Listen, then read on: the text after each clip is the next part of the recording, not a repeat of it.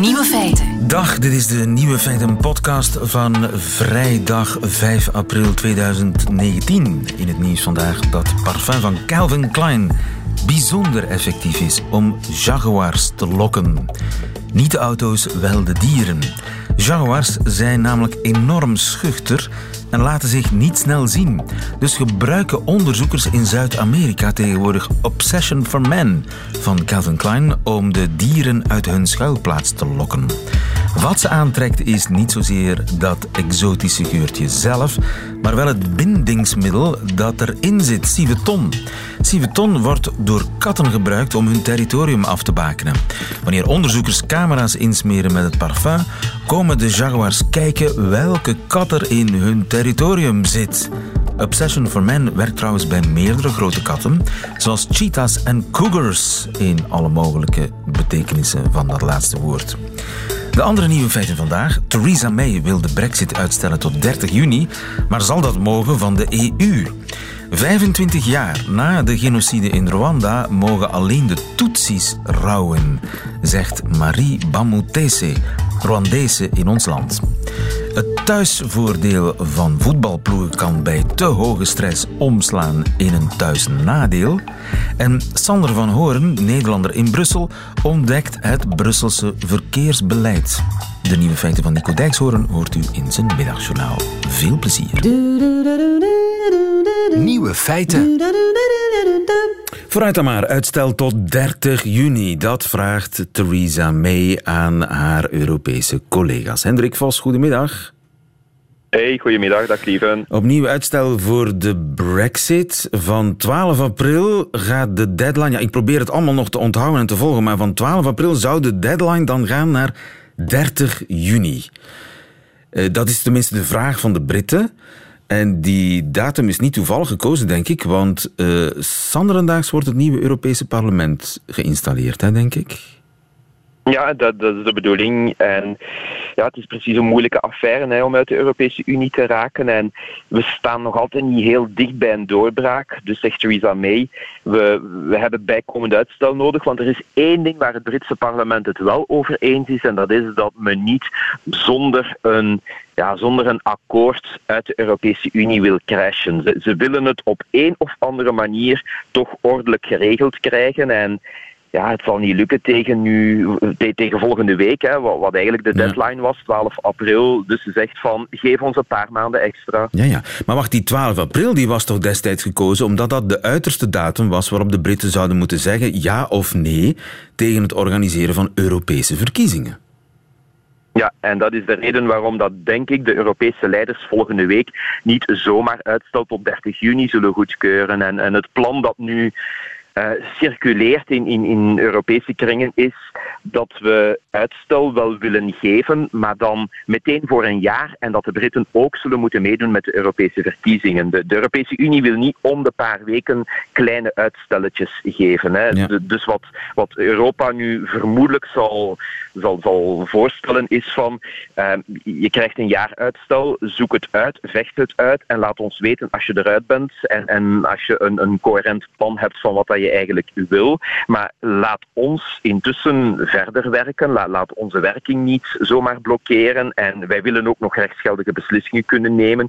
Dus dat betekent, jullie zullen moeten meedoen aan de Europese verkiezingen. Zolang dat je er niet uit bent, ben je erin. En, en ga je dus ook moeten uh, vertegenwoordigers aanduiden. Ja, maar dat is een scenario waarvan jij denkt dat het vorm aan het krijgen is aan Europese kant. Maar ik dacht dat de uh, Franse president Macron daar zeer tegen was om de eenvoudige reden dat als de Britten dan meedoen aan de Europese verkiezingen, gaan zetelen in, het, in dat parlement, ja, dat ze dan een, een stok achter de deur krijgen om bepaalde dingen goedgekeurd te krijgen op Europees niveau. Want dan kunnen ze gaan dealen. Ja, maar als wij keuren dit Europese plan goed, als jullie ons, uh, onze brexit-wensen goedkeuren. En dat is een, een, positie waar Macron niet wil in verzeild geraken. En met hem ook Guy Verhofstadt, denk ik. Nee, nee, en, het, is juist hè, wat je zegt. Uh, en er speelt nog iets mee, want als de Britten straks nieuwe vertegenwoordigers kiezen in het Europese parlement, dan, ja, dan, dan zullen dat geen liberalen zijn. Hè. Liberalen in, in, in Groot-Brittannië staan niet zo sterk, dus het, het zou betekenen dat bijvoorbeeld de sociaaldemocraten weer sterker gaan worden, want Labour zal wel vertegenwoordigers hebben, dat ook de conservatieven, dat ook de eurosceptici, want ze zullen vast ook wel een hoop eurosceptici dan naar het Europese parlement sturen. Het zijn allemaal ja, parlementsleden die Macron liever niet ziet komen. Maar ja, de angst voor een, een, een heel chaotische no-deal, wat dan het enige alternatief lijkt te zijn, die in heel Europa toch ook wel heel groot. En, en als men alles naast elkaar legt, dan denk ik dat ook Macron uiteindelijk wel zal zeggen dan, ja, dan maar liever um, een, een, een regeling waarbij dat ze dan nu toch nog meedoen, dan, ja, dan ze er zomaar te laten uitcrashen met het risico dat we daar allemaal door geraakt worden. Ja, pokerspel op bijzonder hoog niveau. Maar de ontknoping die moet toch stilaan naderen en misschien vindt die ontknoping volgende week plaats op een Europese top. Dankjewel, Hendrik Vos. Goedemiddag. Graag gedaan, tot later. Nieuwe feiten. van België. Aflevering. Ik weet eigenlijk niet hoeveel afleveringen we al gehad hebben, maar in ieder geval aflevering zoveel van de wonderbaarlijke Alice in Wonderland-achtige ontdekkingstocht van Sander van Horen, de Nederlandse journalist in Brussel, correspondent voor de NOS, die na een jaar of tien in Beirut zijn tenten heeft opgeslagen in ons land en ons land nog steeds aan het ontdekken is en daarover elke vrijdag verslag komt uitbrengen. Dag Sander. Goedemiddag. Sander, wat heb jij eh, deze week over ons land ontdekt? Paaltjes, lieven. Paaltjes? Paaltjes. Paaltjes in dit geval in Koekelberg, waar een voetgangster is doodgereden doordat iemand het nodig vond een uh, rij die netjes op haar stond te wachten in te halen over de vluchtstrook. Uh, of over het fietspad moet ik zeggen. Nou, dat fietspad dat is nu afgezet met paaltjes, zodat dat niet meer mogelijk is. Ik vond hem fantastisch. Ja, probleem opgelost hè? Nou ja, probleem op dat specifieke punt opgelost. Uh, ik, ik, ben er, ik ben er zelfs wezen kijken de, toen die paaltjes er niet stonden. En het is een kruising als zoveel, waar ik me elke dag op de fiets en tegenwoordig ook op de step over voortbeweeg. En ja, oké, op dat kruispunt is het dus dan niet meer mogelijk. Maar uh, eh, 100 meter verderop, het volgende kruispunt, staan geen paaltjes. Dus ja, het is een cosmetische oplossing voor dat ene specifieke probleem. Het is een hele politieke oplossing daarmee, want je lost in feite niks structureel op. Maar ik hoor jou zeggen dat jij af en toe stept ook in Brussel. Nou ja, en dat vond ik ook weer zo iets typisch. Ik bedoel, ik heb me daar uh, over verbaasd met mijn Nederlandse blik natuurlijk. Dat je alle vormen van vervoer die in Nederland uh, verboden worden, zolang nog niet 100% duidelijk is dat het veilig is, nou die mogen in België wel. En dus heb je mensen die zich op een soort uh, schijf tussen hun benen voortbewegen. En je hebt dus inderdaad de huursteps. En ik ben daar lange tijd mijn neus ophalend met een grote boog omheen gelopen. Ik heb er laatst toch eentje gehuurd. En wat heerlijk is het. Wat gaan die dingen lekker hard. En wat wuift de wind lekker door je haren. Terwijl in de algemene voorwaarden natuurlijk staat dat je een helm moet dragen. Dat doet natuurlijk niemand. Er is ook geen politie die je daarop aanspreekt. Ja, en daarmee is het wel weer een vervoersvorm geworden die enorm gevaar loopt. Met name in het Brusselse verkeer. Want daar ben je op de step ook een, ja, een doelwit bijna voor de auto's. Nou ja, een doelwit vooral ook omdat, kijk, de, ik, ik krijg gewoon echt stellig de indruk dat uh, Belgen in de auto meer lijken op Libanezen dan op Nederlanders. En in die zin de, complete minachting voor alles wat minder dan uh, vier wielen heeft. En de Belgische automobilist is er dus niet op ingesteld dat zo'n step hard gaat, dat zo'n step kwetsbaar is. De verlichting van die stepjes die is natuurlijk ook slecht Dat zit op het achterwiel. Dat zit dus vijf centimeter boven de straat. Met de beste wil van de wereld als automobilist zou je het al niet eens uh, zien. Maar ik, ik, ik merk gewoon, die, die automobilist die, die is haast gek geworden. Uh, ik woon vlak bij de VRT-studio's in Schaarbeek. Daar uh, wordt al sinds mensenheugenis, want dat is ook typisch Belgisch, gewerkt aan een tunnelcomplex. En dus gaan automobilisten op zoek naar sluipwegen. En dus komen ze door mijn straat. Daar rijden weinig auto's, maar daar spelen kinderen. En de snelheid is daar 30. Uh, alleen mensen rijden daar, nou ja, soms 100. En ik, ik, ik ben laatst gewoon, toen ik zo'n auto keihard hoorde optrekken, ben ik midden op straat gaan staan met mijn uh, kratje boodschappen. Een flinke ruzie uit ontstaan. Maar nou ja, hopelijk één automobilist toen uh, laten zien van luister, uh, je, je hoort hier 30 te rijden. Alleen ja, tegelijkertijd, hè, want dat is ook een oplossing die dan vaak uh, gevonden wordt op het moment dat er een verkeersdode te betreuren is omdat een automobilist te hard reed. We gaan een 30 kilometer zone invoeren. Fantastisch, leuk, hartstikke goed. Is bij mij in de straat gedaan. Maar dan moet je hem wel handhaven. En daar schiet het weer tekort. Ik hoor jou zeggen dat de Belgische automobilist zich gedraagt alsof hij in een jungle is en alles is toegestaan. Dat is meer Brussel hoor. In dat, nou, ja, goed. Ik, bedoel, ik kan je verzekeren, ik, ik fiets in Brussel en in Gent. Het verschil is dag en nacht. Oké, nou dat wil ik dan van je aannemen. Maar Brussel is natuurlijk wel zo'n status aparte in, in, in België. We hebben het er al vaak over gehad in deze uitzending. En dat is dan dus het moment dat uh, de politiek boven zichzelf moet uitstijgen. Wat grappig, hebben we daar niet over gehad in het kader van het klimaatbeleid? Hebben we daar niet over gehad in het kader van het, het, het, zorgen voor de slachtoffers van Zaventem en Maalbeek? Ik bedoel, het is een steeds terugkerend thema dat die politiek maar niet boven zichzelf uit kan stijgen. En ik geef het de politiek ook te doen natuurlijk. Met een uh, versnipperd landschap met allemaal kleine partijtjes. Het begint steeds meer Nederland wat dat betreft op België uh, te lijken. Maar je zou nu juist bij die verkiezingen bijvoorbeeld verwachten... dat je uh, grote gebaren maakt. Dat je inderdaad zegt, we gaan wat minder van die trajectcontroles doen op de snelweg. Nee, we zetten onze middelen in om die 30 kilometer zones te handhaven. Daar waar de meeste slachtoffers vallen. En dat gebeurt dan niet. En ja, dan want de verkiezingen komen eraan, stilaan. Uh, heb je al interessante discussies uh, gezien en meegemaakt? Nee, en het gaat wat dat betreft alle kanten op. Drie maanden geleden had ik volgens mij al voorspeld dat ik betwijfelde of het klimaat de verkiezingen zou halen. Nou ja, dat, dat komt dus ongeveer uit, want het is maar één van de vele thema's. En één van de vele thema's is ook wie gaat het met wie doen. En uh, je moet ontzettend oppassen de komende twee maanden met zoveel belangrijke thema's in België. Dat het wie met wie gaan de sossen met de NVA, met wie gaat Michel. Nou ja, dat dat soort vragen niet de boventoon gaat voeren. Maar ik vrees het met grote vrezen. We discussiëren over elkaar, maar we discussiëren niet over een onderwerp. En dat is het. En als er iemand een onderwerp uh, te berden brengt, dan is het eerste doel je daar tegenaf zetten in verkiezingstijd. En niet meedenken en kijken of je in het landsbelang tot een oplossing komt. En dat is het grote nadeel ook van verkiezingstijd. Dat moet polariseren, want er moet wat te kiezen zijn. Dat is in Nederland niet anders.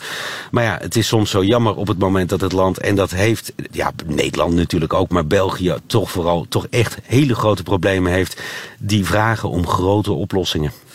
Wat ons brengt bij de woordenlijst. Vandaag eh, geïnspireerd op het verkeer. Gebruik jij altijd je pinkers, Sander? Mijn uh, richtingaanwijzers, ja, zeker. Okay. Ik zie dat niet als een nodeloos accessoire. Eentje goed, pinkers. Uh, en je chargepijp, is die niet kapot? Nou, ik heb net nog gereden. Hij maakt geen geluid, dus met die uitlaatpijp is niks mis. Wow, Sander. Jij, jij, jij hebt volgens mij mijn computer gehackt, maar... heb jij misschien het... Ik heb wat Russen ingeschakeld, ja. maar heb jij toevallig het tjoepje van mijn soepap gezien? Uh, dan ja, dan wordt het stil. ga ik meteen verliezen, want ik weet ze geen van beide, geloof ik. Een soepap. Het stuur, Nee. Het stuur, nee. nee, nee, nee, Het soepap is, uh, soepap is een ventiel. Ah, een dopje. En een tjoepje is een dopje. Oké, okay, ja, maar ja, tjoepje heb goeie, Dus eigenlijk drie op de vier geraden, Sander. Dat is uh, ja. onderscheiding. Maar het is niet vier op de vier. Ik moet terugkomen. Ja, toch al felicitaties van de jury. Volgende week nog beter. Dag Sander. Dag lieve. Nieuwe feiten. De vloek is eindelijk gebroken na 21 jaar. Club Brugge is erin geslaagd, met dezelfde uitslag nog wel als 21 jaar geleden, om Anderlecht te kloppen in Anderlecht. Zouden de Brusselaars last hebben gehad van het zogenaamde thuisnadeel? Filip Boen, goedemiddag. Goedemiddag. Thuisnadeel, dat bestaat dus kennelijk ook Dat bestaat in uh, zeer uitzonderlijke situaties. Dus in de meeste sporten is er een heel duidelijk thuisvoordeel. Maar in bepaalde situaties, als het heel belangrijk is, bij play-offs bijvoorbeeld, heel beslissende matchen of in extra time, dan zien we dat het thuisvoordeel wel eens durft omkeren in het thuisnadeel. Maar dat is zeer uitzonderlijk. En ik weet eigenlijk niet zeker of dat het gisteren nu een heel uitzonderlijke situatie was. Ja, want wat is eigenlijk, wanneer ontstaat het thuisnadeel? Het thuisnadeel zou vooral ontstaan dus in die heel beslissende wedstrijden. En dat heeft wellicht te maken met het feit dat de, de spelers van de thuisploeg beginnen te choken, zoals we dat in de sportpsychologie noemen. Dus choken wil zeggen, dat is een bekend fenomeen, dat op een bepaald moment als ehm, de sporters te bewust beginnen nadenken over hun handelingen, die ze best eigenlijk zo automatisch mogelijk moeten uitvoeren, uh, dat eigenlijk heel die automatische handelingen in elkaar stort. En je zou kunnen uh, denken dat uh, thuisploegen op bepaalde momenten, omdat ze, ze zeker niet voor hun thuispubliek willen verliezen, dat ze beginnen na te denken bewust aan de negatieve consequenties en dat zij dus beginnen choken en dat hun automatische handelingen niet meer automatisch worden. Ja, ja dus de thuisploeg die wordt overdreven nerveus, de stress wordt zo groot, want we kunnen hier in zo'n beslissende wedstrijd toch niet afgaan voor ons eigen publiek. Dat, ja, de, de stress is te groot, het, het werkt verlammend. Ja, dat, dat uh, is het geval. Want dus eigenlijk het normale fenomeen, het thuisvoordeel, dat wordt aan verschillende oorzaken uh, gelinkt. Een van de oorzaken is dat spelers van uh, thuisploegen, daar is bij vastgesteld dat die een hoger testosterongehalte hebben wanneer ze thuis spelen in vergelijking met de spelers van de uitploeg. En dat zou je kunnen linken aan het evolutionair fenomeen dat ook bij diersoorten, als dieren hun territorium moeten verdedigen en ze moeten vechten tegen een ander dier die even sterk is, wel, dan gaan de dieren die een territorium te verdedigen hebben, die gaan meer winnen dan een dier dat even sterk is, maar dat uh, een territorium kan winnen. Ja. Dus uh, we, we, zijn evolutionair geprogrammeerd blijkbaar om meer risico, meer, uh, ons lichaam meer tot het uiterste in te zetten als we een territorium te verdedigen hebben, omdat we daar al in geïnvesteerd hebben. Dus dat zou een groter verlies betekenen. En dat is meetbaar aan de testosteronspiegel van de spelers? Wel, er is een onderzoek uh, dat heeft vastgesteld dat uh, uh, de spelers van de thuisploeg voor de wedstrijd een hoger testosteron hadden, gehalte hadden dan de spelers van de uitploeg, of wanneer dat ze zelf een uitwedstrijd moesten spelen. Dus dat is eigenlijk in, ja, in, dat komt overeen met die evolutionaire verklaring. En, zou en dat, dat is het standaardmechanisme. En zou dat de grote uitleg zijn van het thuisvoordeel? Er zijn verschillende uh, verklaringen die wellicht allemaal wat uh, met elkaar interageren. Hè. Dus dat, dat zou één verklaring kunnen zijn. Vroeger werd er ook gezegd, ja, het heeft te maken met de vertrouwdheid met het terrein of met de grotere vermoeidheid door langere reisafstanden. er zijn enkele studies die dat hebben aangetoond, maar dat effect blijft niet zo, blijkt niet zo groot te zijn. Een, een, belangrijker effect zou de beïnvloeding van het publiek op de scheidsrechter kunnen zijn. En Aha. dat is wel al experimenteel kausaal vastgesteld. Dus de scheidsrechter uh, zet de thuisploeg een beetje in het voordeel omdat hij de supporters niet tegen zich wil krijgen?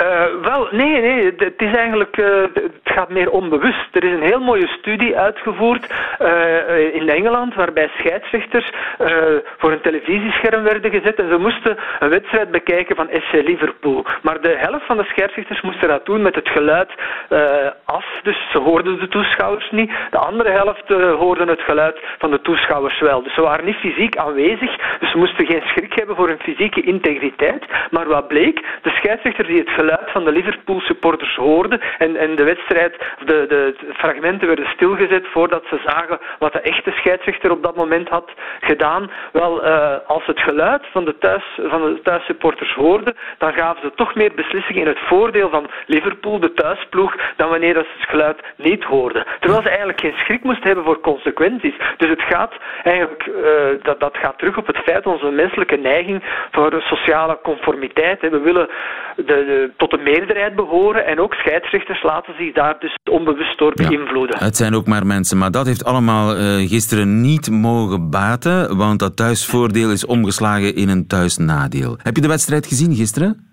Ik heb er een stukje van gezien, inderdaad. En, ja. Uh, waren ze aan het choken? Uh, ik, ik, denk het niet, want ze zijn op het einde, de tweede helft was Anderlecht beter dan Club Brugge. Hè. Uh, En kijk, het thuisvoordeel gaat ook vooral een, een, effect hebben als de twee ploegen even sterk zijn, natuurlijk. Hè. Dat, dat is iets, en ik denk dat Club Brugge dit seizoen iets sterker is dan Anderlecht. Uh, ja. En dat is natuurlijk ook van belang bij een wedstrijd. Ja, voilà, dus dat, die experimenten bij dieren, dat ging, eh, waar daar heeft men dieren tegen elkaar gezet die, waarvan men uh, kon meten dat ze ongeveer even sterk waren. En dan zie je dat het thuisvoordeel een beslissende factor gaat zijn. Maar als er natuurlijk een groot verschil is in talent, in vechtlust en zo, dan zal dat minder meespelen. Het blijft sport. Dankjewel. Filip Boen, sportpsycholoog van de Universiteit van Leuven. Goedemiddag.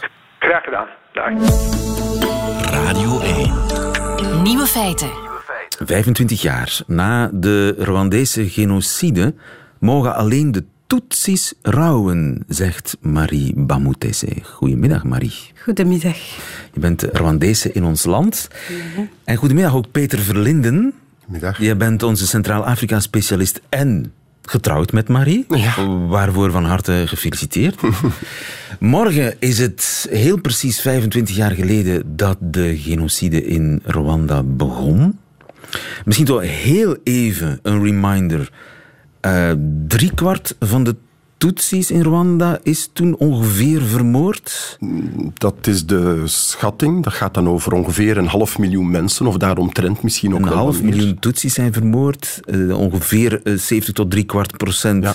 Drie, 70 procent tot drie kwart van de Tutsi-bevolking in Rwanda. Maar daarnaast is ook een, een onbekend aantal Hutus om het leven gekomen. Ja, volgens het wellicht meest betrouwbare academisch onderzoek ook zo ongeveer een half miljoen. Maar let wel, er waren natuurlijk veel meer Hutus. Hè. 85% van de bevolking was Hutu, dus procentueel was dat een veel kleiner aandeel van de bevolking. Ja. Maar in concrete aantallen gaat het wel over ongeveer even, evenveel mensen. Maar zijn die vermoord door extreme Hutus? Wel, dat is de versie van het uh, huidige regime en dat zal zeker voor een aantal van hen, hen wel het geval geweest zijn, omdat ze bijvoorbeeld ervan verdacht werden dat ze Tutsis in bescherming namen of dat ze Tutsis niet wilden aangeven of niet wilden mee vermoorden. Maar wat we nu wel altijd maar zekerder weten, uh, dat is dat er ook heel veel, hoeveel juist weten we niet, maar toch zeker in termen van een aantal honderdduizenden, uh, vermoord zijn door het Patriotisch Front. Dus eigenlijk door Tutsis. de, door Tutsis, enfin, door de Tutsi-rebellen die toen dus de oorlog uh, uiteindelijk gewonnen hebben en nu aan de macht zijn. Marie, wat is jouw geschiedenis? Jouw familie, heeft die in, zwaar geleden toen? Absoluut. Mijn familie heeft uh, zwaar gereden. Wat te vaak vergeten is dat de oorlog effectief in oktober 90 begonnen is door Kagame zelf en zijn mannen. Uh, men was opgelucht dat uiteindelijk uh, ja, vredesakkoord in Arusha plaats hadden gevonden, maar hij heeft het eigenlijk niet gerespecteerd en zo de oorlog gevoerd. En wat die man, dus Kagame en zijn rebellen vanuit het noord van Rwanda gedaan hebben, is dat ze systematisch gemoord hebben, dus de oorlog mee ja, gestart hebben. De Tutsis zijn ook daders. Dat is eigenlijk wat jij wil zeggen. Ik bedoel, Kagame zijn rebellen, de militairen. De Tutsis, uh, dat, wat, ze, wat hen overkomen is, dat is niet goed te praten. Het is heel erg dat de genocide op de Tutsis plaatsgevonden heeft. Ik kan daar tot mijn dood over getuigen. Maar wat ook wel gedaan is geweest door Kagame op de Hutus zelf, uh, onschuldige burgers dat mag niet vergeten worden. Ja, en jouw familie is Hutu? Mijn familie is Hutu, maar mijn grote familie, mijn grote familie, we zijn gemengd. Want nonkos van mij zijn Tutsi-vrouwen getrouwd. Ja. Dat is ook een misvatting, hè? Dat, dat land zogenaamd is opgedeeld heel scherp dat zijn Tutsis, dat zijn Hutus. Dat klopt eigenlijk ook niet helemaal. Voor een stuk uh, klopt het niet, omdat de Rwandese samenleving, het is, was één samenleving, dezelfde taal, eh, wel verschillende etnieën, maar gemengde families waren er in Rwanda. En heb jij familieleden verloren? Ik heb heel veel familieleden verloren. Uh, mijn vader is vermoord geweest vluchtende door Kagame zijn leger in uh, april, eind april 1994. Uh, mijn moeder is na terugkeer vanuit, vanuit Congo, in de Congolese Bruce, waar wij rondgedwaald hebben, zijn, waren geraakt door de achtervolging van het leger van Kagame. Is geforceerd teruggerepatrieerd geweest en daarna ook vermoord. Mijn dus je hebt je beide ouders, je ooms, tantes, ja. je ouders ouders zijn... Ja, er is geen graaf voor mijn vader. is ook toen in de massagraaf voor ons mee gestopt geweest. En dit is tot 25 jaar later. Ik weet niet wat er mee gebeurd is. Je weet niet... En ik mag daar niet over praten. Ik word bedreigd. Omdat ik zeg dat ja, de genocide op Tutsis heeft plaatsgevonden. Effectief. Maar Kagame heeft zwaar gemoord. Dus jij weet niet wie je ouders heeft vermoord. Daar is nooit iets over. Die zitten in een anoniem graf. En... Ik heb geen idee. Er is geen onderzoek. Er mag ook niet over gesproken worden. Een Hutu is, uh, werd gedeshumaniseerd. Die mogen niet rouwen. Ik mag niks zeggen. Nu, wat ik nu zeg, kan mijn leven kosten. Wat jij nu zegt, kan je leven kosten? Absoluut. In Rwanda. In Rwanda. In Rwanda. Zelfs hier moet ik opletten. Dus een Hutu in Rwanda kan niet zeggen ik ben ook een slachtoffer. Die mogen niet, want eerst het regime van Kagame er, zou erkennen dat de Hutus ook slachtoffers zijn. Dan is dat, betekent dat per definitie dat Kagame ook een moordenaar is en zijn leger. En zij doen er alles aan om het verhaal van de tafel te vegen. En is dat iets wat vast ligt in wetten of dat, dat, dat gebeurt zit, zo? zit vast in de wetten, want dat wordt negationisme. Als je zegt ik ben Hutu en ik, ben, ik heb ook geleden onder genocide, wordt dat zijn negationistisch bestempeld. Want de Hutus moeten collectief zich eigen blijven verontschuldigen voor wat er de Tutsis uh, aangedaan is. Dus... We mogen dat niet relativeren. Het is een genocide op de Tutsis. Ja. Maar er zijn heel veel moorden geweest, gepleegd door Kagame, zowel dus in Rwanda als in Congo. Dus het regime manipuleert als het ware de waarheid. Heeft, heeft de, de waarheid in pacht. Wel, er is een, uh, waar Marie op alludeert, is de fameuze genocidewet in uh, Rwanda. Het, het, is eigenlijk zeer contradictorisch. Er is dus een wet in Rwanda die verbiedt dat je nog praat over Hutus en Tutsis. Um, maar tegelijkertijd um, wordt, is ook bij wet vastgelegd dat wat er in 1994 gebeurd is, de genocide op de Tutsis heet. Met die benaming, daar mag die term ineens weer wel gebruikt worden. Dus wie als Hutu zichzelf als Hutu benoemt en dan uiteraard daar nog eens aan toevoegt dat hij het slachtoffer is of een, uh, een, een, een, na, een, nakomeling is van slachtoffers um, door het uh, Patriotisch Front, valt eigenlijk onder die genocidewet. En volgens die genocidewet, eigenlijk wat Marie nu net vertelde en wat wat, ik ook al in boeken geschreven heb en in sommige reportages verwerkt, daar staat volgens de Rwandese wet uh, tot 25 jaar gevangenis op en in sommige gevallen tot levenslang. Want de doodstraf is afgeschaft. um, maar er zijn ook mensen die, wanneer zij dit soort dingen aangeklaagd hebben in de loop van de afgelopen 20, 25 jaar, die gewoon verdwenen zijn. Hè? En dat is dan, ja... ja dus vijf levensbedreigend. Of zitten vast in gevangenis. Of zitten vast in gevangenis. Uh, jarenlang. Dus uh, 25 jaar na de genocide ja, kan het, kan het eigenlijke helingsproces niet plaatsvinden? Wel, als waarnemer, ik ben gelukkig voor mij geen slachtoffer, Marie is slachtoffer, ik niet.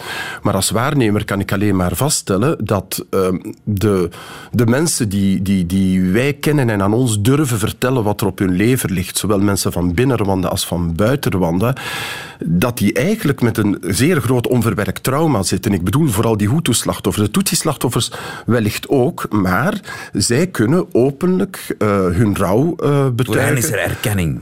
Ja, en, en, en, en, en hun leed is erkend. Er zijn ook heel veel daders, ongeveer 1 miljoen daders berecht bij, bij, in lokale rechtbanken voor ongeveer 2 miljoen daden die gebeurd zijn. Dat is dus gigantisch. Dat is allemaal publiek gebeurd, de fameuze Gachacha-rechtbanken. Maar die Gachacha-rechtbanken, een soort volksrecht banken, um, die hebben geen enkele Tutsi-berecht. Of geen enkele, moet wel opletten met de termen, geen enkele moordenaar van Hutus. of er is geen enkel geval. Um, uh, nee, nee, moordenaar van Hutus. Er is geen, enkel, geen enkel geval um, behandeld waarbij Hutus slachtoffer waren. En dat weegt natuurlijk op die samenleving. Dat weegt als lood op die samenleving. Ik heb, ik heb een vriendin, zij is Tutsi. Zij heeft mij duidelijk gezegd van Marie, uw verhaal klopt, want ik was er zelf ter plaatse en ik heb gezien hoe FPR, dus het leger van Kagame, gemoord heeft. Maar wij Tutsis mogen niet de waarheid zeggen, want zelfs wij riskeren ons leven als wij opkomen voor Hutus. Ja. De Belgen zitten natuurlijk ook eh, met beide benen in dit verhaal. Er zijn ook Belgische slachtoffers. Tien blauwhelmen zijn uh, burgers. vermoord. Burgers zijn vermoord. Onze premier vertrekt dit weekend naar Kigali. Zal hij, of vind jij dat hij daar iets over moet zeggen tegen voor, mij, voor mij als journalist is natuurlijk wat...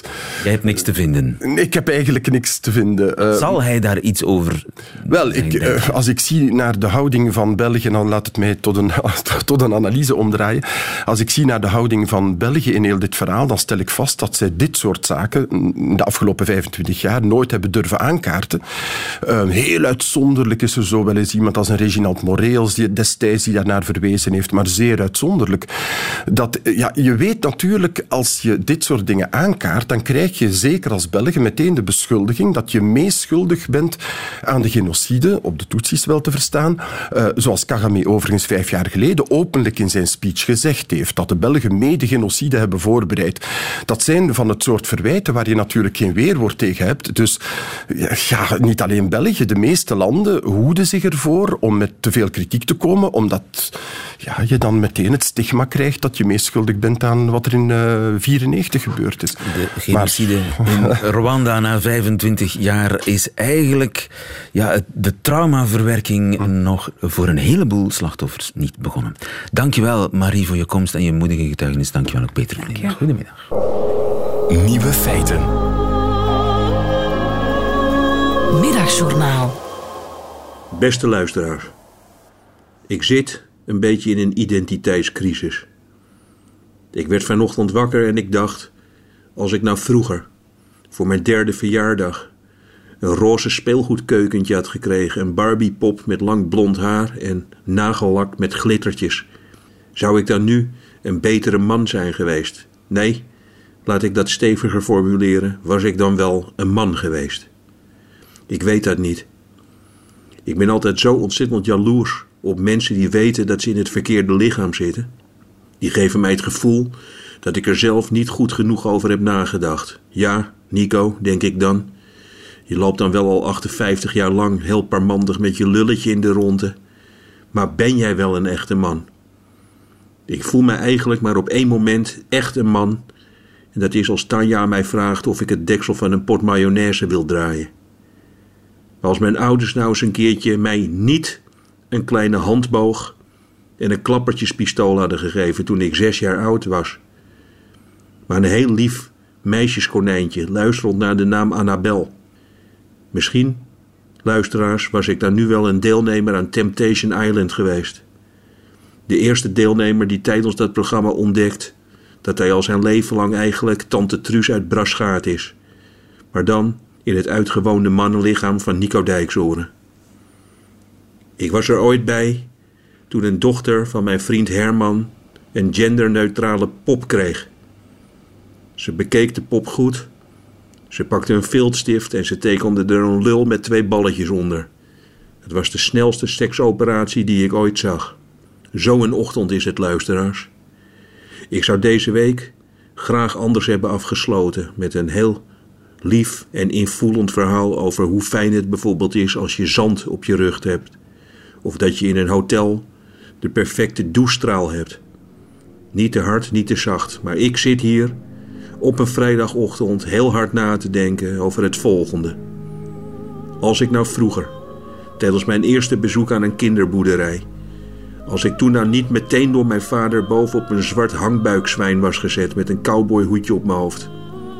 Maar als mijn moeder me toen een heel lief, bijna dood geitje had laten aaien, was het dan nog goed gekomen met mij? Zou ik dan hebben geweten dat het lichaam waar ik nu al 58 jaar in woon echt bij mij past? Dat ik echt een man in een mannenlichaam ben? Luisteraars, ik weet dat niet.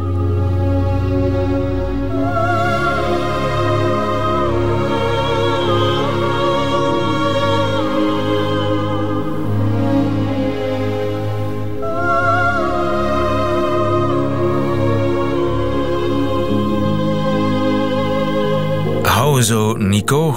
Nico Dijkzoren in het Middagjournaal. Meteen het einde van deze podcast.